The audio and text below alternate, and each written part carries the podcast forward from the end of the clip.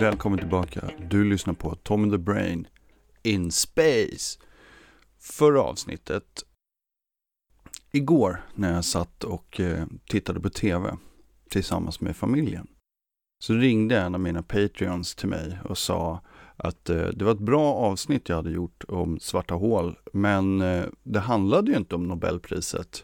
Och jag började genast i panik tänka, va? Vad har jag gjort? Och det som kan ha hänt är att jag sagt att det skulle handla om Nobelpriset i fysik och sen nämnde jag kanske pristagarna bara lite, så lite förbegående. Och sen så pratade jag jättemycket om relativitetsteorin, Newtons eh, gravitationsgrejer och eh, svarta hål. Och så sydde jag inte ihop säcken. Och, och, det är lite ett problem med om man skriver om manus tre gånger och spelar in avsnittet tre gånger också. Att eh, i slutändan så kanske det, det, kan hända att det saknas någonting. Jag har ingen redaktör. Jag har säkert en partner som skulle kunna tänka sig att vara redaktör. Men jag är inte riktigt på den nivån att jag är redo att låta folk ha åsikter om det jag gör på den nivån. Jag själv har åsikter om det jag gör, men de är ju mest åsikter om att det kanske inte är så himla bra som jag tror och hoppas. Ja, nåväl. Eh, förra avsnittet, Svarta hål, gott folk. Om det inte fram, framgick så var det alltså så Andrea, Andrea, Andrea M. Ghez och eh, Reinhard Genzel som fick Nobelpriset i fysik för sitt arbete med att eh, konstatera hur stort och tungt eh, det här föremålet som är i Vintergatans mitt eh, är och därför kan man komma fram till att det är ett svart hål. Man säger bara att det är ett supermassivt objekt, inte att det är ett svart hål, men de vann alltså Nobelpriset för att de har eh, upptäckt och, och forskat på det här supermassiva objektet i mitten av Vintergatan. Och de, man säger inte i förklaringen så säger man inte så här, åh, de upptäckte ett svart hål. För vi har inte observerat direkt. Men vad de har gjort är alltså att de har konstaterat hur massivt det är och vad dess minsta, nej, vad dess största radie är. Och det enda föremålet som vi teoretiskt, eh, det enda objektet som vi teoretiskt känner till som kan vara så massivt på så liten yta är alltså ett svart hål. Och när vi har studerat alla andra galaxer eh, som vi ser så ser vi också svarta hål i mitten av dem. Så man tänker det är ett svart hål. men Man har skrivit så i förklaringen till årets Nobelpris. Och den andra, eh, den tredje delen, nej den andra hälften av priset tror jag, jag tror de här två fick dela på hälften.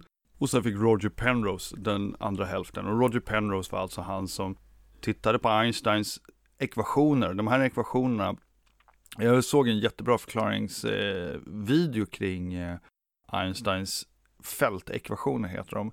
Som egentligen förklarar så att man kan, man kan på varsin sida av ekvationen bestämma vad man vill. Den ena delen av ekvationen berättar hur eh, rymdtiden, alltså Spacetime, kommer se ut på en given plats. Och den andra delen av ekvationen berättar hur mycket massa och energi som måste finnas där.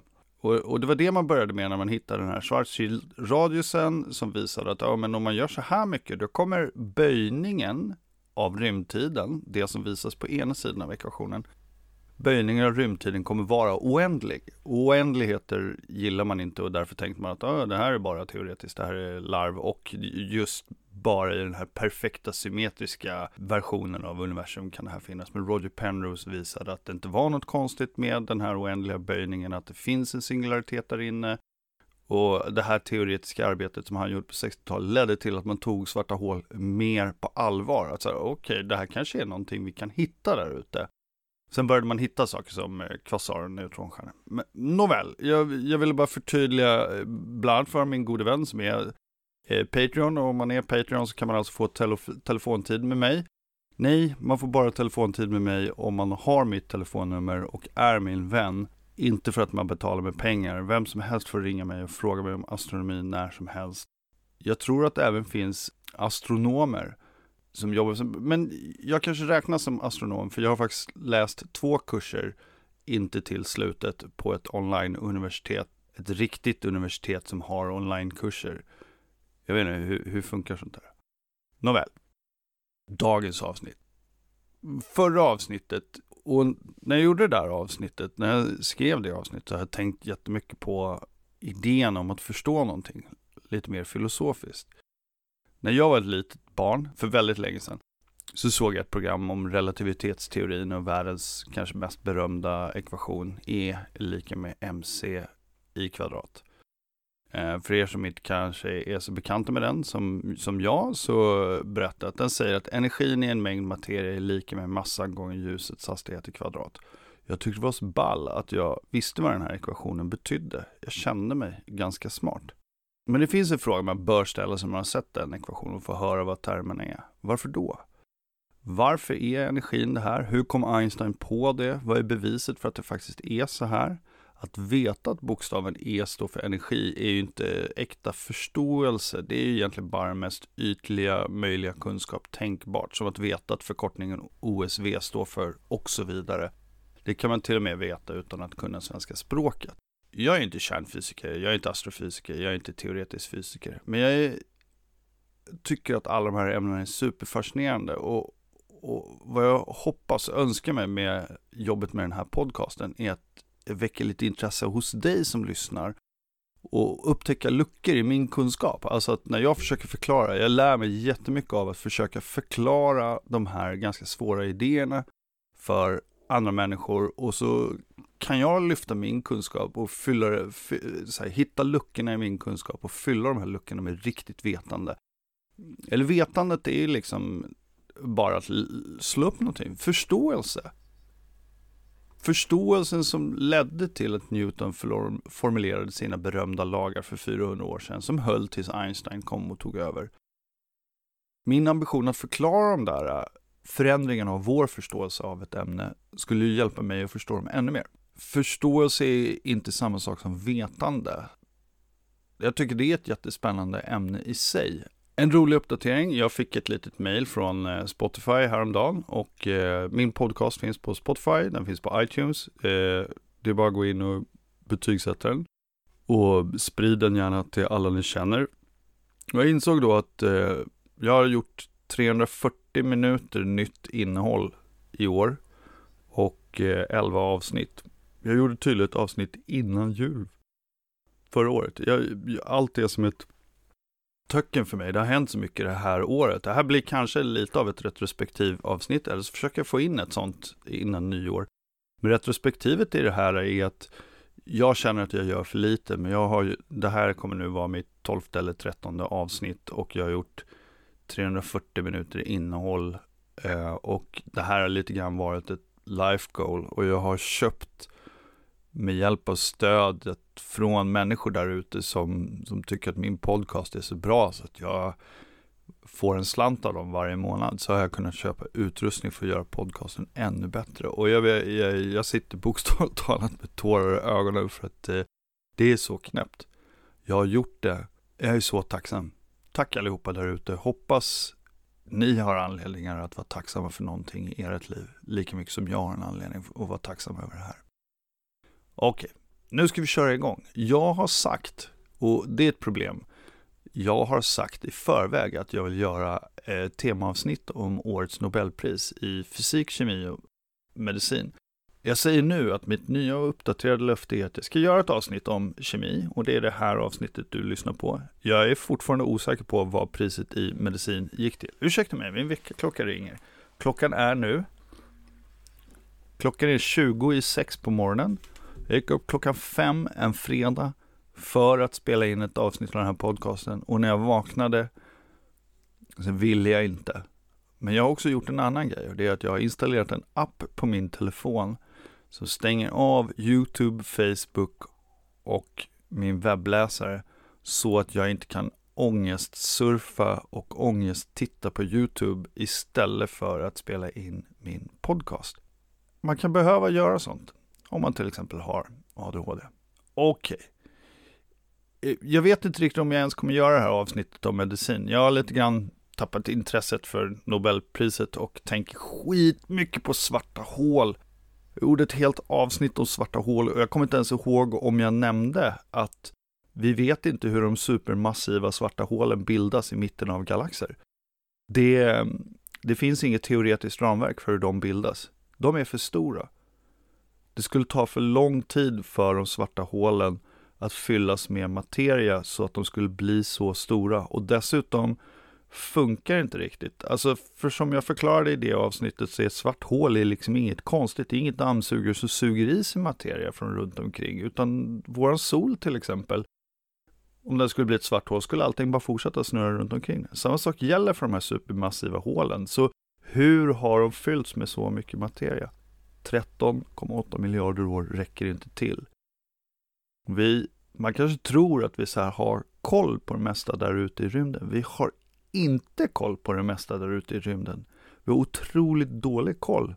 Vi måste lägga hela USAs militärbudget på att bygga rymdgrejer. Om vi gjorde det, då skulle hela jordens befolkning få det bättre.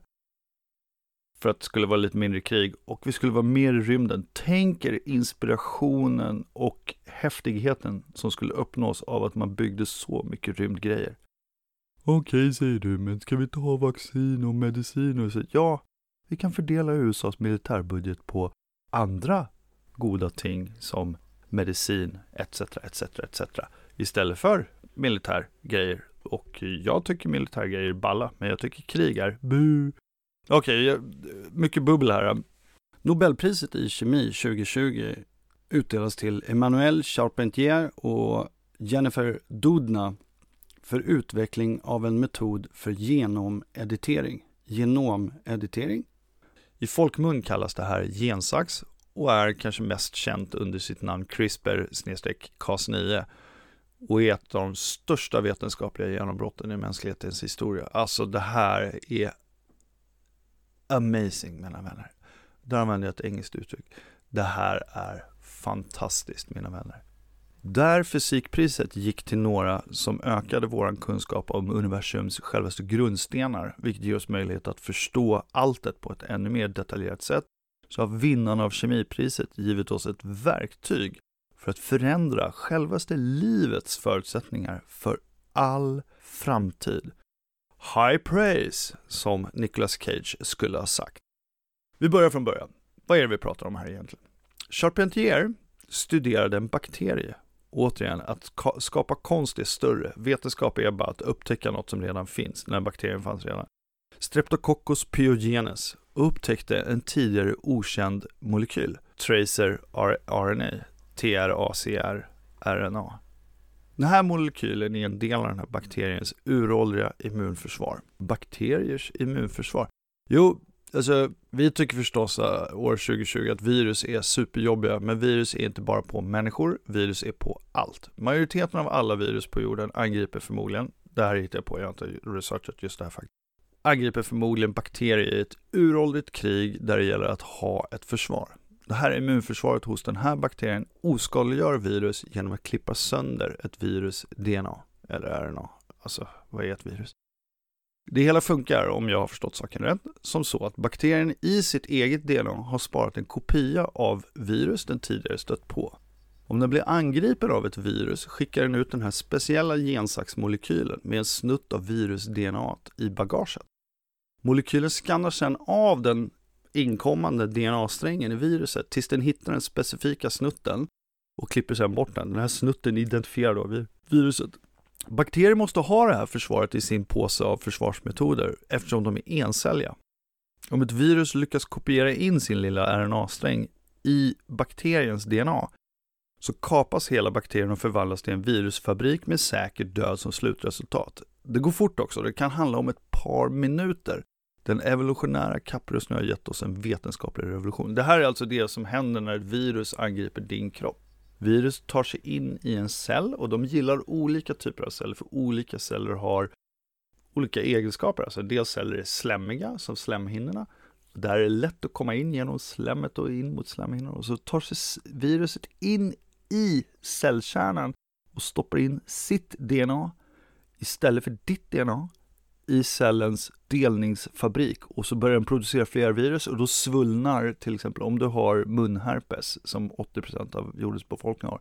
Det som bokstavligt talat händer när du får blåser är virusen som liksom växer inuti dig och multipliceras och trycks ut. Och sen reagerar din kropp med ett immunförsvarsangrepp och neutraliserar viruset och sen lägger viruset och vilar i din benryggmärg.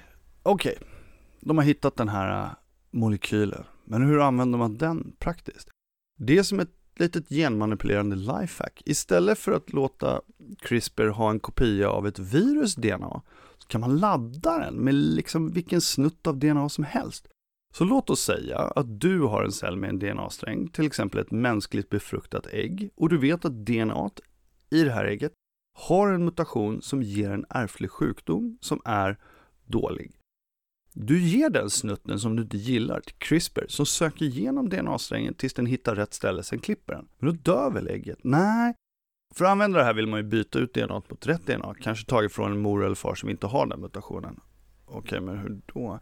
Jo, alla våra celler har mekanismer för att reparera trasig DNA. Så CRISPR klipper bort det vi vill bli av med och sen reparerar förhoppningsvis den normala funktionen i cellen DNA. Vi har också läst att man kan ploppa in en önskad DNA-snutt i närheten så reparerar cellen arvsmassan själv, men använder den tillhandahållna snutten. Om du gör det här i en befruktad äggcell innan celldelning betyder det att du har eliminerat mutationen fullständigt. Det här barnet kommer alltså växa upp helt utan den sjukdomen. En cool grej med det här är att man kan forska mer detaljerat på vilka gener som gör vad. Vi vet egentligen ganska lite om hur våra gener fungerar. Man brukar säga att en gen kodar ett protein när man så förenklar alltihopa väldigt mycket. Alltså genetik är så komplicerat. Om ni tycker att relativitetsteorin är komplicerad så är det så här. Det är en ekvation som beter sig konstigt vid några tillfällen, svarta hål. Men i övrigt så är det bara glasklart och verkar stämma till 100%. Det är svår matte, det är det det är. Medan våra gener och vårt DNA är bara fyra bokstäver som kan paras ihop på ganska få sätt. Och man vet inte riktigt, om man säger så här, här är en intelligent person. Vilka gener är det som är kopplade till den här personens intelligens? Det finns, man har identifierat eh, genom forskning på DNA på människor som bor på Island. Där bor det liksom en begränsad mängd människor. Alla deras DNA finns i en blodbank och man eh, Studerande studerar. Då har man typ identifierat en gen som ökar risken för depression. Men vad gör den mer? Problemet är att gener i samklang med varandra kan påverka olika saker. Med CRISPR så kan man alltså klippa och klistra lite i det här och se då, se vad som händer om man ändrar genen. Vilken gen gör vad? Hur stor är den? Hur många baspar omfattar den? Med CRISPR kan man klippa bort ett enda baspar och se vilken effekt det har på en organism. Till exempel att den svarta pälsen på råttor består av endast ett baspar i en gen. Om man pratar om DNA och genetik så borde man kanske prata om vad så här, baspar, det är alltså två stycken molekyler som sitter ihop med, i den här stegen. Om du har sett en spiralformad illustration av DNA. Så, så ett baspar är två sådana som sitter ihop. Och en gen är alltså en serie av sådana baspar som kodar ett protein. Om vi då kan göra det här, ta bort ett baspar, ta bort små bitar, så kan vi forska mer effektivt på vilka gener som gör vad. Och eftersom generna arbetar i kombination med varandra så är det så att man kan inte bara ändra ett baspar eller en gen och få en önskad effekt med säkerhet. Men CRISPR som verktyg ger oss liksom möjlighet att ta reda på hur det fungerar i mer detalj. Och genforskningen är som allt annat här i världen. Om man tittar på hur mycket mobiltelefoner kostade när vi köpte dem för första gången på 90-talet och hur mycket de kostar nu. De kostar mer nu, vilket är weird, men de kan också göra mycket mer grejer, kanske helt onödan.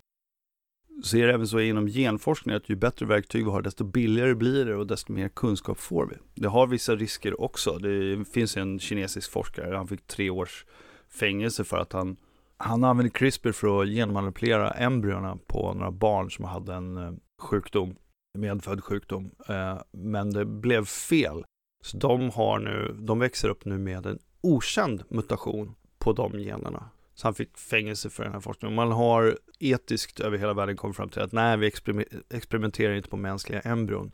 Och i forskningen, när man experimenterar på mänskliga embryon så låter man dem bara gå till 7 eller 12 veckors ålder. Sen så förstör man dem. Jag tycker inte livet är helhet. Jag tycker det är helt oundvikligt att vi kommer göra de här grejerna på människor, givetvis. Vi kan prata mer om det lite senare i avsnittet. För nu ska vi prata vidare om vad man kan göra med CRISPR. Okej, okay. häromdagen så sa jag till min sambo att vi är välsignade. Jag är inte troende, men språkmässigt är det samma känsla jag har. Våra barn föddes friska, alla barn föds inte friska och alla som skaffat barn efter 30 års ålder kan säkert relatera till känslan av liksom, både maktlöshet och för mycket makt eh, när det gäller kvaliteten på spermierna, hur, vad är hälsostatus på mitt barn, eh, ska jag göra fostervattensprov? När man skaffar barn över en viss ålder i Sverige rekommenderas man att ta ett fostervattensprov, för då kan man få en siffra på hur Ja, tar man fostervattensprov så kan man få veta att barnet har Downs syndrom till exempel, eller andra sjukdomar. Vi gjorde, på något av barnen gjorde vi någon undersökning, man fick som en odds-siffra.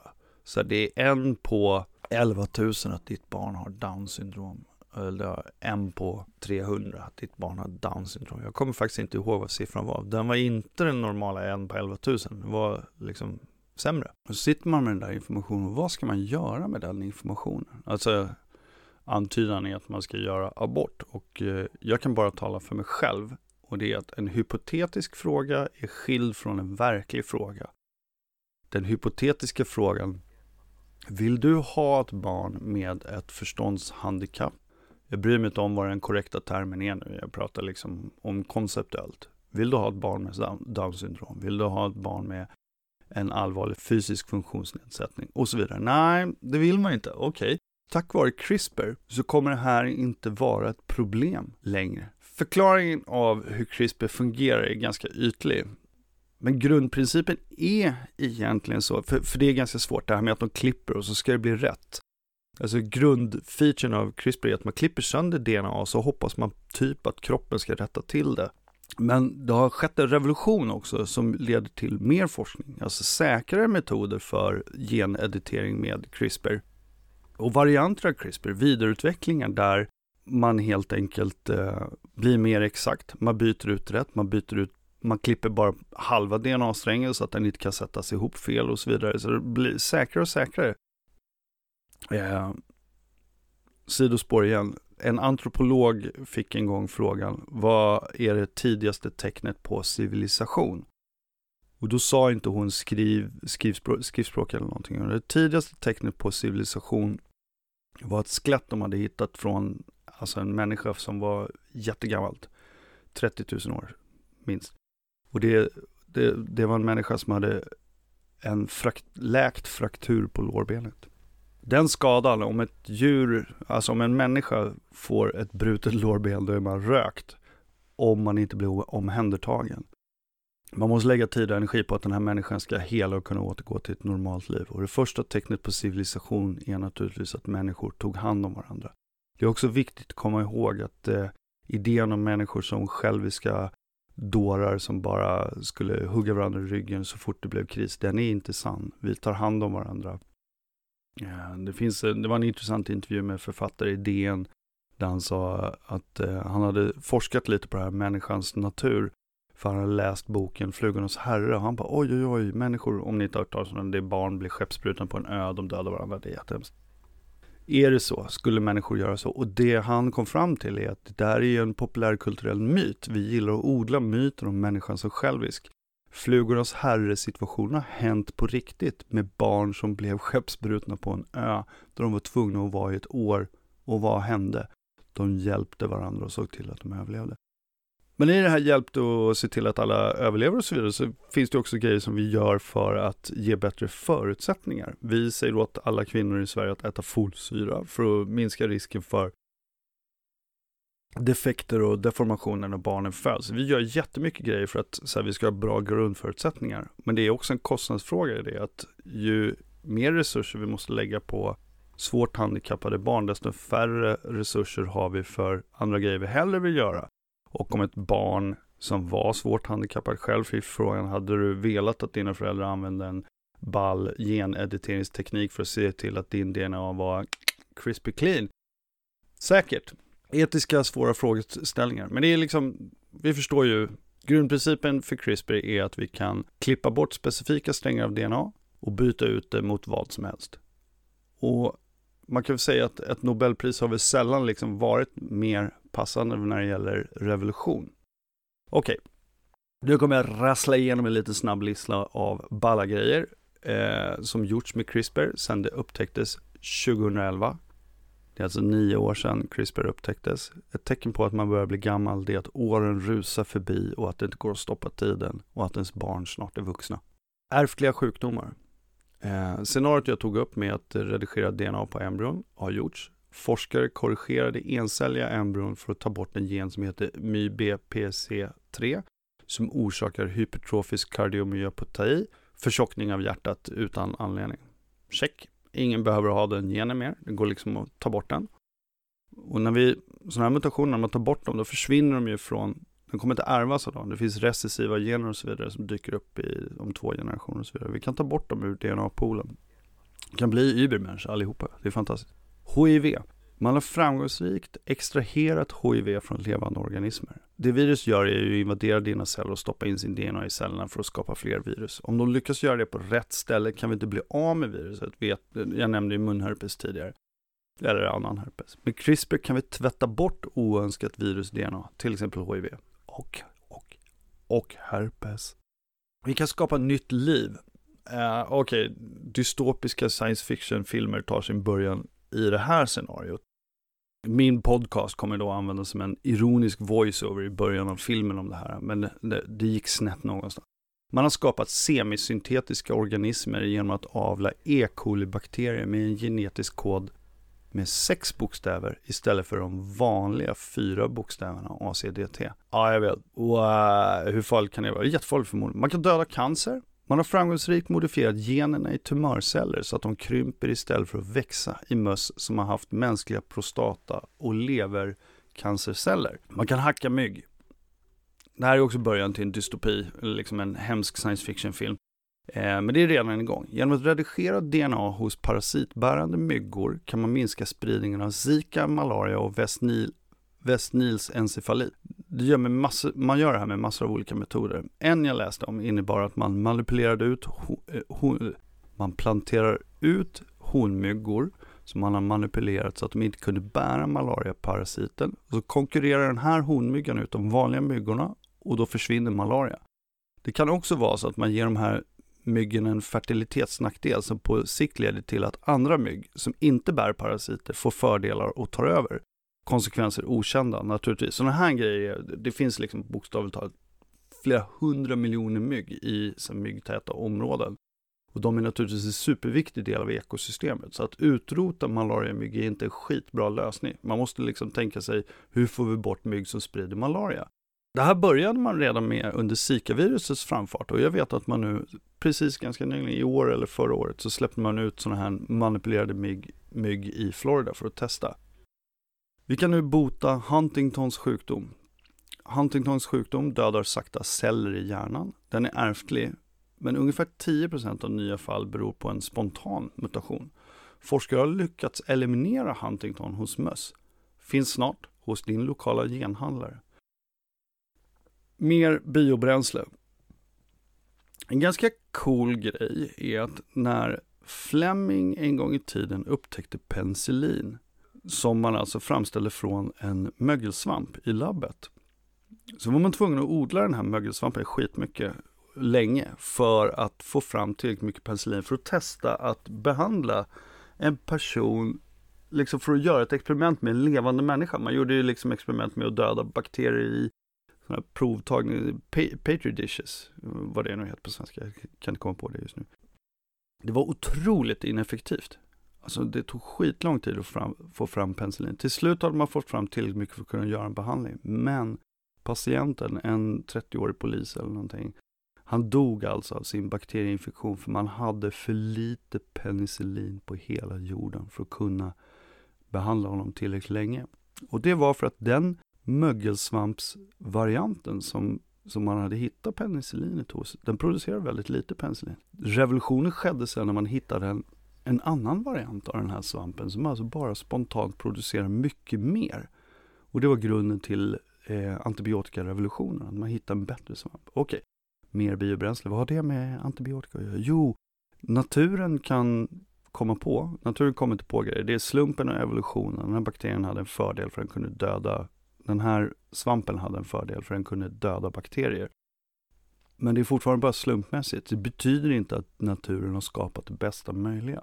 Genom att redigera generna hos alger så har forskare lyckats ta fram en alg som producerar dubbelt så mycket biobränsle som den inom citationstecken naturliga sorten. Höjden av evolution är väl att evolvera fram en organism som kan manipulera koden för liv och därmed skapa ännu bättre organismer.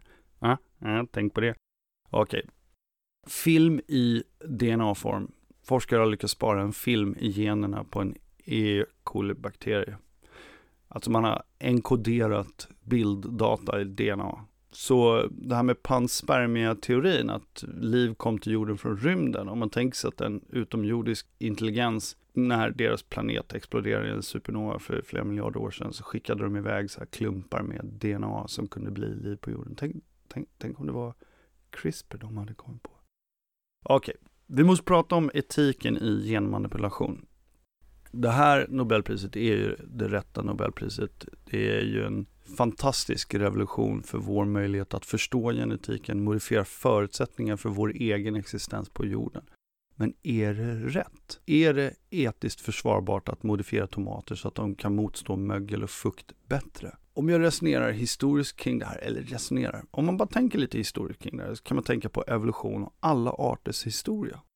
Var det etiskt försvarbart att något djur började äta andra djur och fick fördelar? Att Ugg och Gogg delade stenbitar och gjorde de första flintaknivarna. Att någon kom på att pengar var effektivare än byteshandel. Att en läkare insåg att penicillin var en grej. När i den utvecklingen skulle vem ha stannat upp och sagt nej, det här gör vi inte, här drar vi gränsen. Genforskning är här för att stanna. Kan inte undvika, vi har öppnat Pandoras låda, alltså kunskapen är där. Det bör nog regleras på något sätt. Men vi vill ha den och vi behöver den. Alla som har förlorat ett barn till en ärftlig sjukdom skulle nog svara ja på frågan om att städa ett embryo från de trasiga generna. Men självklart, om vi som följdfråga får huruvida vi vill ha genipaketet för 10% extra eller stryka empati för att göra en människa redo att driva ett multinationellt konglomerat som täcker hela solsystemet, vad svarar vi då? Drömmar om supersoldater behöver vi idag inte oroa oss för. Kom ihåg att en drönare är billigare än en människa som tar 20 år på sig att växa upp. Man kommer liksom inte ta fram en armé av supersoldater. Man kommer ta fram en armé av drönare. Det har USA redan gjort. Och jag läste att de har dödat mer än 100 000 personer med drönare de senaste 10 åren. Den stora etiska frågan gällande våra framtida barn är ju förstås vilken rätt vi anser oss att ha, ha att modifiera dem. Men å andra sidan så har vi gjort valet att skaffa dem utan att fråga dem i förväg. Och vi har ansvaret att uppfostra dem enligt vad vi anser är det bästa sättet att göra det på. Vi frågar inte våra barn om lov att föda dem. Behöver vi då fråga dem om lov för att ge dem vad vi anser är de bästa förutsättningarna genetiskt? Och vad innebär det? Vad händer sen om vi likt en skräckfilm gör fel när vi modifierar våra mygg eller barn och de slår ut alla mygg men ger alla turbo-ebola? Och var det ens möjligt att undvika det scenariot? Att kartlägga hela det mänskliga genomet kostade 100 miljoner dollar första gången det gjordes. Du och jag kan idag göra det med vårt eget genom för en hundring. Den här teknologin är tillgänglig för alla aktörer över hela världen samtidigt. Välkommen till en ny värld. Det var det jag hade att säga om årets Nobelpris i kemi, som alltså gått till upptäckten och utvecklingen av CRISPR-Cas9. Lade ni märke till att jag lade till där om vad, så här, sydde ihop säcken och lade till att det, det, det, var de här personerna som fick det. Alltså Jennifer Doudna och eh, Emmanuel Charpentier. Jag tror att de gjorde det här när de faktiskt forskade på något universitet i Sverige. I slås för bröstet. Uh. Stöd gärna min podcast på Patreon. www.patreon.com kidvos. Ge den en like på Facebook eh, Facebook.com snedstreck thespacebrain. Ett annat bra sätt att stödja podcasten är att ge den en eh, fem stjärnor och en recension på iTunes och Spotify. Jag ska undersöka lite fler så ställen där man kan säga att ah, den borde ligga på topplistan. Ha ett bra, en bra december. Där jag sitter just nu är ungefär mellan 0 och 3 minusgrader. Och vi har i natt fått 5 till 10 cm snö och studsmattan jag skulle ha plockat ihop i oktober ligger nu under ett snötäcke och går inte att hitta. Eh, det här händer varje vinter. Hoppas december fortsätter vara så här krispigt fin och vit för oss alla. Och ha en bra jävla dag.